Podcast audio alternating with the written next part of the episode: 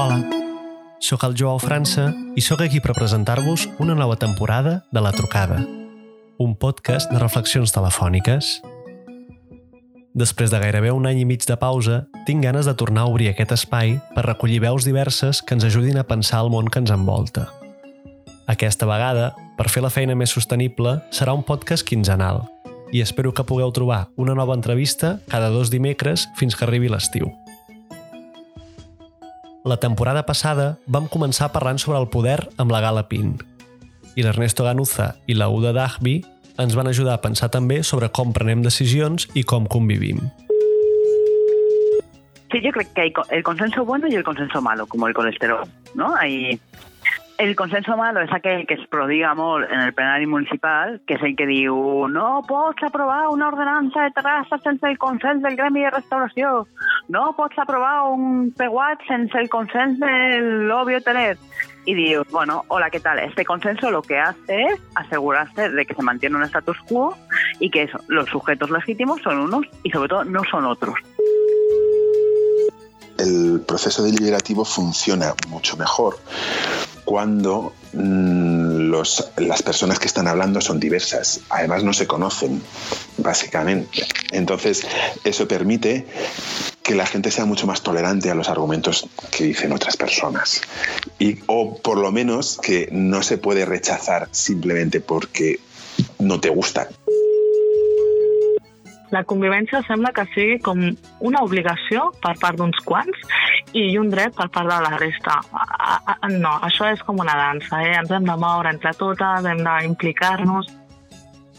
També vam parlar sobre algoritmes i la nostra relació amb la tecnologia amb la Carme Peiró i el Miguel Sicart que tenen més enganxat, més controlat, estan analitzant més el teu comportament, saben quan tornaràs a jugar aquell joc que tens descarregat a, a, al teu mòbil, amb quina freqüència, i enviaran publicitat, la veuràs, no la veuràs, clicaràs o no clicaràs, però et tenen enganxat. I això et distreu de mil coses que tu abans et feien pensar. Cuando uno desarrolla software, lo que haces es limitar el mundo, ¿no? Lo, lo, lo, lo reduces hasta que es posible eh, eh, contarlo, ¿no? Hasta que es computable, hasta que la máquina puede realizar operaciones en él. Y en esa reducción, claro, es, es como todas reducciones, eliminas eh, la, la inmensa variedad del mundo y la inmensa riqueza de los problemas. La Bet Canal ens va ajudar a reflexionar sobre l'educació sexual i un bon grapat de tabús de la nostra societat. Amb el reggaeton se'ns barreja un altre tema, que parlar explícitament de sexualitat moltes vegades ens connecta amb la pròpia moralitat. Llavors, quan professorat o famílies es posen les mans al cap, per mi la pregunta és per què et poses les mans al cap? El missatge d'aquesta lletra realment és masclista? Podria ser que sí. També pot ser no? que estigui parlant explícitament de sexualitat i això t'ho connecti amb la teva motxilla de vida de l'educació sexoafectiva que nosaltres hem rebut, no? Amb l'Omar Tomàs i la Sabrina Sánchez vam poder parlar sobre les amenaces que ens planteja l'extrema dreta i també les dificultats per respondre des de l'esquerra. Hi ha aquí un processos de desidentificació pel que fa als grups que són vulnerables. O sigui, a, a, aquesta indiferència de Bolsonaro davant de la mort, ella molt bé de, de, de no res. No? Aquesta indiferència de Bolsonaro està profundament arrelada amb décadas de historia. La derecha sí que sabe dónde están interconectadas las luchas. Entonces, ese, el, el feminismo blanco no lo ve. Ellos se creen que solamente todo se reduce a la vulva y ya está. Todo, todo, a partir de ahí son todos los problemas. Y cuando no, cuando todos los problemas, bueno, vienen de una serie de situaciones que atravies, pueden atravesar a una sola persona. L'Ainoa Nadia Duhaibi i l'Asma Ouattà ens van parlar del racisme institucional i de les migracions.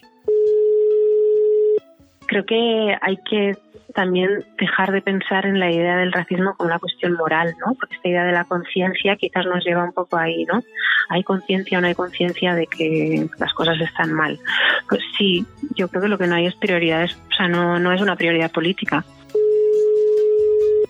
Jo sóc jo, no? Jo no sóc catalana de tota la vida, jo sóc a les illes, tinc una llengua materna, el català és la meva segona llengua, mm, després d'haver vingut aquí, però sóc el que sóc i tinc aquestes dues llengües de referència i s'ha de plasmar, això ha de sortir sí o sí eh, en la meva escriptura no? tant, tant les meves idees com els meus suports lingüístics, no? perquè penso que la llengua no és només un mitjà de comunicació, sinó que és un, tot un mode de vida. Amb la Carmen Juárez i la Vània Espanyó vam poder parlar sobre l'individualisme, l'assistencialisme i la necessitat de respostes col·lectives però per desgràcia no, aquest individualisme també, que si arribes lluny és perquè t'has esforçat, és, no? i si arribem i si arribem lluny és perquè hem tingut molta gent que ens ha ajudat durant, el, durant aquest camí. I jo crec que l'individualisme també és, és, és, és, és un perill.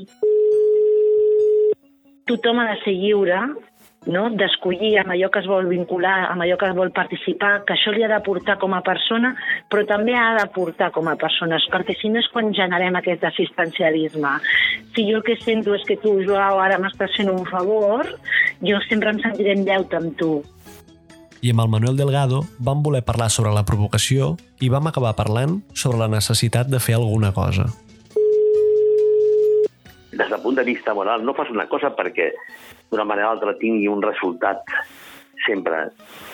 Hi ha coses que s'han de fer perquè s'han de fer i el fet de que no pugui canviar no les fa menys indignant. Aquesta temporada m'agradaria seguir explorant aquests camins i més i buscar veus que ens treguin de la paràlisi i ens ajudin a imaginar i construir un futur millor. Benvingudes un cop més a la trucada.